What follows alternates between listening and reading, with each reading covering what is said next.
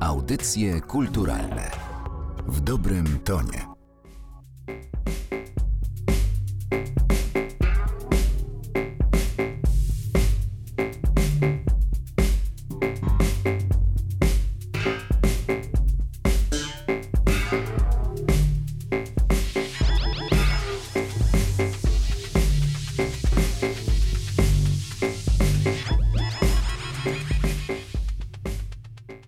Mikrofonie Martyna Matwiejuk. E, witam Państwa bardzo serdecznie w kolejnym odcinku Audycji Kulturalnych. Dziś moim gościem jest twórca muzyki eksperymentalnej, muzyki klubowej, pionier techno w Polsce, Jacek Sienkiewicz. Dzień dobry, witaj. Mm, dziękuję za takie przedstawienie. Witam e, słuchaczy. Spotykamy się e, przy okazji dwóch w zasadzie premier Twoich muzycznych. Jedna z nich to jest album Crash z muzyką do spektaklu teatralnego pod taką samą nazwą w reżyserii Natalii Korczakowskiej. Drugi z kolei album to Recognition Zero i pozwól, że od niego zaczniemy, bo to jest muzyka zarejestrowana 25 lat temu, jeśli Zgadza się, się. jeśli się nie mylę.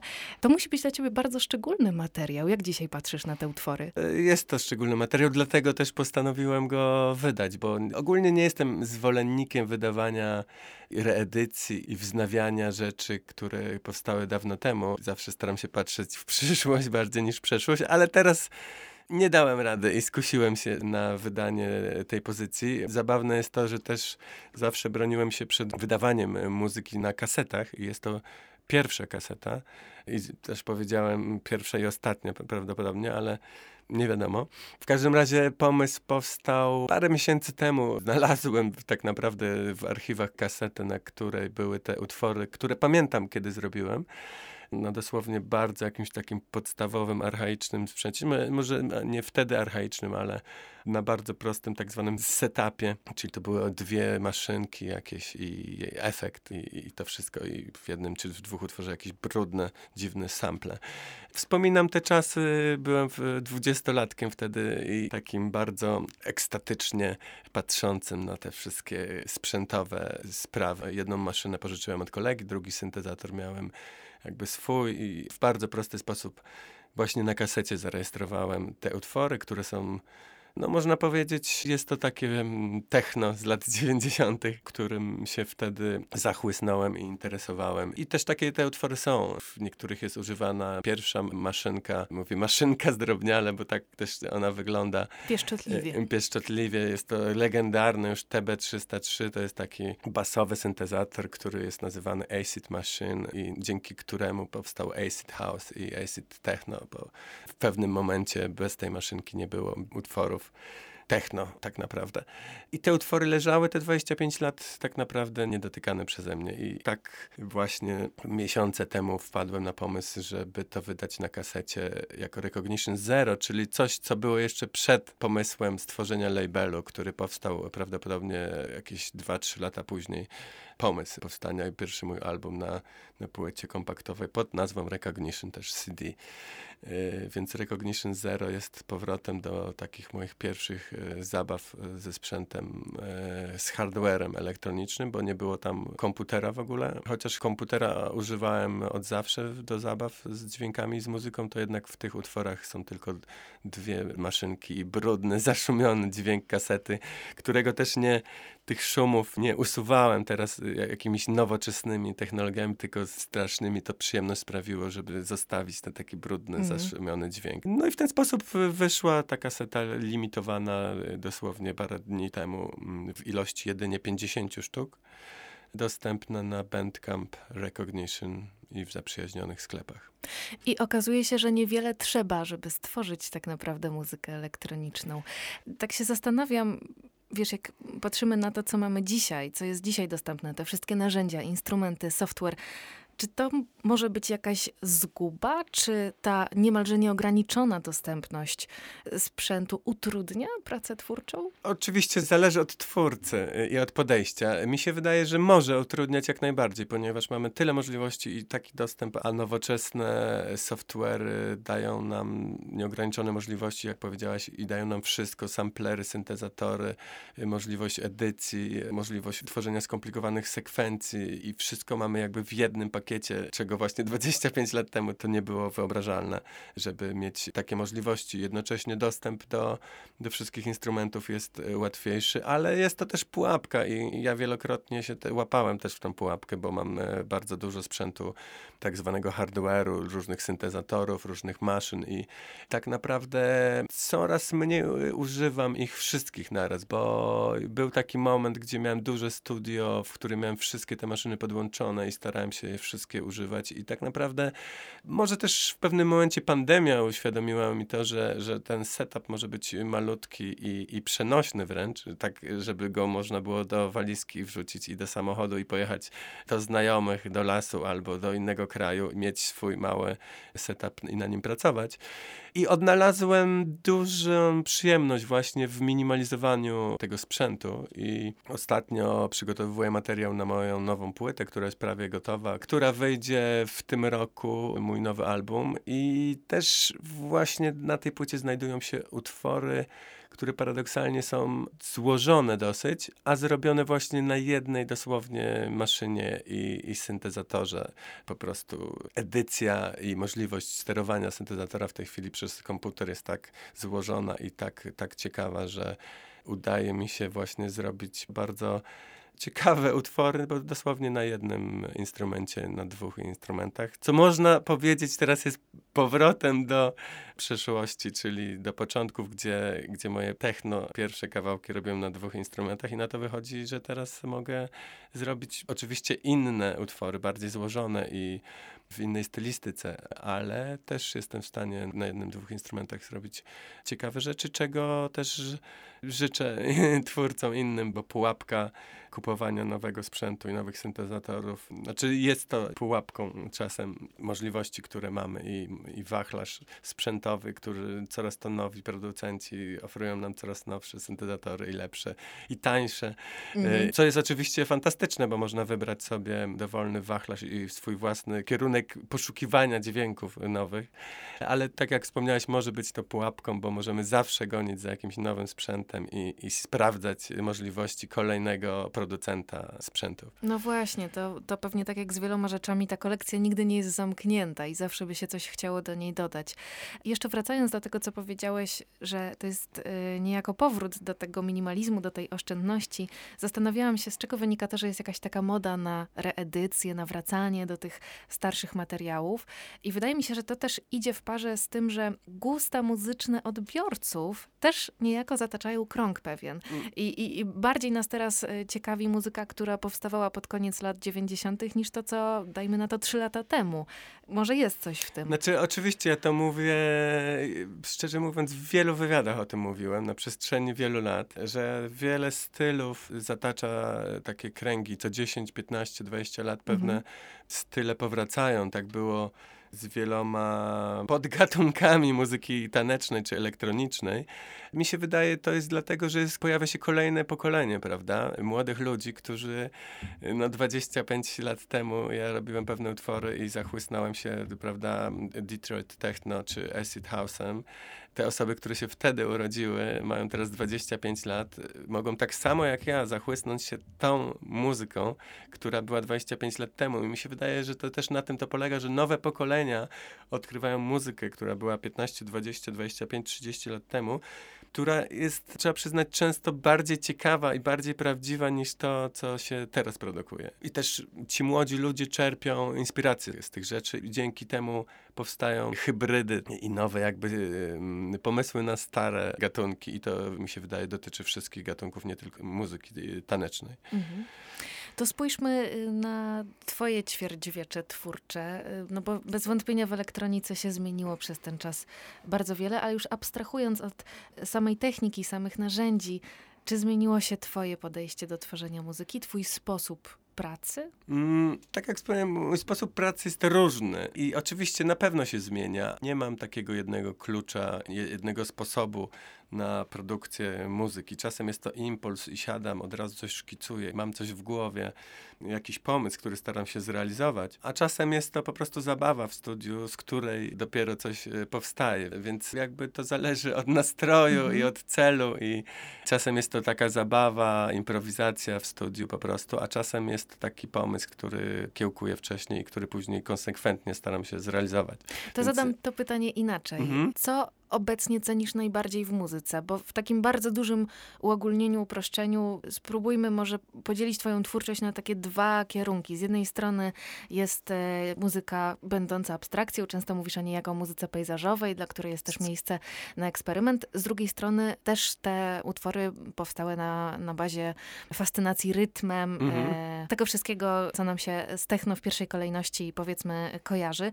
Czy wartościowałbyś jakoś te domeny w obszarze, których tworzysz? To jest może tak, że z czasem muzyka klubowa przestała mnie aż tak cieszyć i bawić. I być może na przestrzeni ostatnich kilku lat troszeczkę od niej odszedłem w stronę właśnie bardziej abstrakcyjno-eksperymentalną i, i poszukującą. W tej chwili to mnie bardziej interesuje, chociaż z tego, co znam moich większość fanów, to cały czas wszyscy się pytają, gdzie jest techno od Jacka. Mm. ono będzie, ono będzie. To nie zginie i cierpliwi zostaną wynagrodzeni. E, ale w tej chwili właśnie, tak jak wspominałem, kończę album, który będzie bardziej dziwaczny. Będą tam rytmy, ale nie tak nie tak oczywiste i nie tak równe, bym powiedział. Troszeczkę uciekłem w stronę, jakby w swój taki nowy świat dziwnych rytmów i, i, i dźwięków tworzonych na kilku zaledwie instrumentach. Mm, to jest y, intrygująca zapowiedź. My jednak zerknijmy na to, co jeszcze nowego ostatnio się ukazało. To między innymi muzyka stworzona do spektaklu Crash, spektaklu w reżyserii Natalii e, Korczakowskiej, sztuki na motywach e, powieści Jamesa Ballarda Kraksa.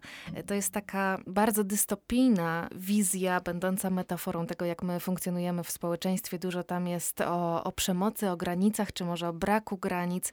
Nie tak dawno miałam okazję rozmawiać z Anną Zara zaradny i, i kiedy poruszyłyśmy wątek właśnie muzyki tworzonej do spektakli teatralnych, mhm. to artystka zanegowała użyte przeze mnie sformułowanie muzyka ilustracyjna, argumentując, że ta muzyka jest równorzędna, że prowadzi równorzędną narrację ze sztuką teatralną w tym przypadku. E, jakie ty masz podejście do e, tego typu, nazwijmy to, zamówień? Mm, znaczy, ja się zgodzę z Anną, która jest moją znajomą, którą serdecznie pozdrawiam oczywiście. Mi się wydaje, że tu nie ma reguły, bo są różne oczywiście sztuki i różne mm, podejście też reżyserów do tego. Akurat w Crashu z Natalią Korczakowską bardzo dużo eksperymentowaliśmy z różnym typem dźwięków i muzyki i dlatego też powstało sporo tych utworów, które też w części nie, nie, nie, zostały użyte w, w spektaklu. Dlatego też powstał pomysł wydania tej płyty, na której się znajdują po części utwory, które znajdują się w spektaklu, a po części, które były przygotowywane do spektaklu, a które tam się nie znalazły. I mi się wydaje, że nie ma tu jakby takiej odpowiedzi dokładnej, bo w pewnych scenach ta muzyka jest ilustracyjna, e, a w pewnych nie. Więc mi się wydaje, że to, że to trudno tu generalizować, jednak e, to zależy od sztuki i podejścia reżysera do tego, co chcemy osiągnąć. Zapytałam o to, mhm. bo w notce dołączonej do tej płyty tak bardzo rozróżniasz e, rzeczywiście, że tam część to jest ten oryginalny zamysł, mhm. a część to jest to, co wyszło na koniec. Tak. Więc poczułam takie rozróżnienie pomiędzy autonomicznością a pewną służalczością tej muzyki. Zgadza się. Ale a propos y, łączenia różnych światów, to chciałabym jeszcze, y, pozwól, że przywołam festiwal Eufonie, który niedawno zakończył się w Warszawie. Zgadza się. W ramach którego też wystąpiłeś mm, podczas wydarzenia zatytułowanego SEPR Interpretacje. Na tej samej scenie, na której i Markus Pop, znany pewnie słuchaczom jako Owal.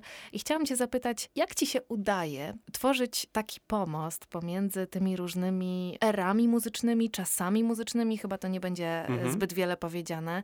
Jak to zrobić, żeby ten materiał, który wybrzmi, no był tak na tyle spójny, żebyśmy nie mieli jako odbiorcy tego wrażenia mm, jakiegoś takiego usilnego, sztucznego wykorzystania tychże sampli tutaj w przypadku y, studia eksperymentalnego y, Polskiego Radia, bo to było takie połączenie tkanin zupełnie bezszwowe. W czym mhm. tkwi sekret? Mm Nie wiem, nie wiem w czym tkwi sekret. W spontanicznym dosyć podejściu i w, w jednak nie bezpośrednim prezentowaniu tych sampli. Ja jednak sample mocno przetwarzam i, i używam dosyć takich dziwnych narzędzi czasem do zniekształcenia tych sampli, więc nie zawsze te sample są, znaczy mówię teraz o samplach e, tych właśnie ze studia eksperymentalnego Polskiego Radia, których część, których w części tego koncertu używałem. W innej części koncertu prezentowałem utwory, które zostały wydane na płycie mm, Drogi. W, drogi, tak, wspólnie wydanej przez Boat i, i, Recognition, czyli moją wytwórnię. To była płyta z takimi, no właśnie swobodnymi dosyć interpretacjami twórczości Bogdana Mazurka, którego najbardziej cenię jakby, który najbardziej jakby mnie ujął z twórców studia eksperymentalnego Polskiego Radia. Oczywiście też byłem poproszony o taki, taki, takie smaczki i, i jakby prezentowanie tego, co do tej pory w kontekście studia robiłem, czyli był też tam taki cień e, utworu Eugeniusza Rudnika, który znalazł się na tym słynnym boksie wydanym przez... E, Narodowe Centrum Kultury, tak, miniatury. Miniatury.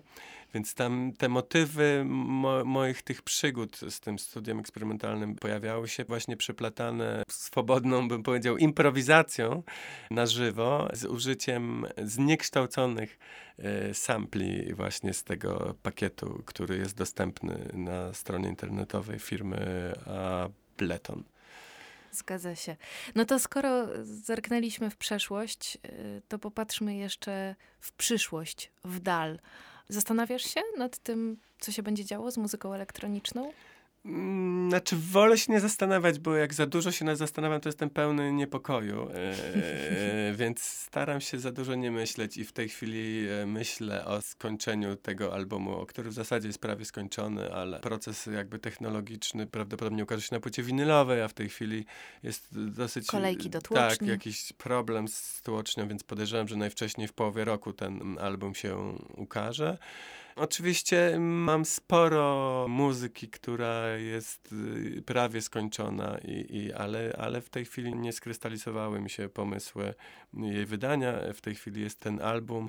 Oczywiście nie zapominam o wspomnianych fanach muzyki klubowej, więc dla nich, dla, dla nich też coś na pewno w tym roku się ukaże, ale tak jak wspomniałem, wolę o przyszłości muzyki dużo nie myśleć. To jest chyba temat na, na całą rozmowę, bo sytuacja na rynku muzycznym ogólnie jest dosyć skomplikowana i twórcy muzyki, każdej w zasadzie, nie tylko elektronicznej, napotykają na wiele, na wiele utrudnień i problemów i globalizacja, digitalizacja jednak sprawia to, że jednak niektórym artystom ciężko się przebić y, lub też po prostu spieniężać y, swoją twórczość, co może no, zniechęcać niektórych, ale, ale tak jak powiedziałem, wolę w ten temat nie wchodzić, bo wtedy zaczynam się niepokoić, a, e, a nie chciałbym tego. Ale twoi fani mogą być spokojni. Jacek Sienkiewicz e, był dziś gościem audycji kulturalnych. Bardzo ci dziękuję. Dziękuję wszystkim, dziękuję tobie, pozdrawiam.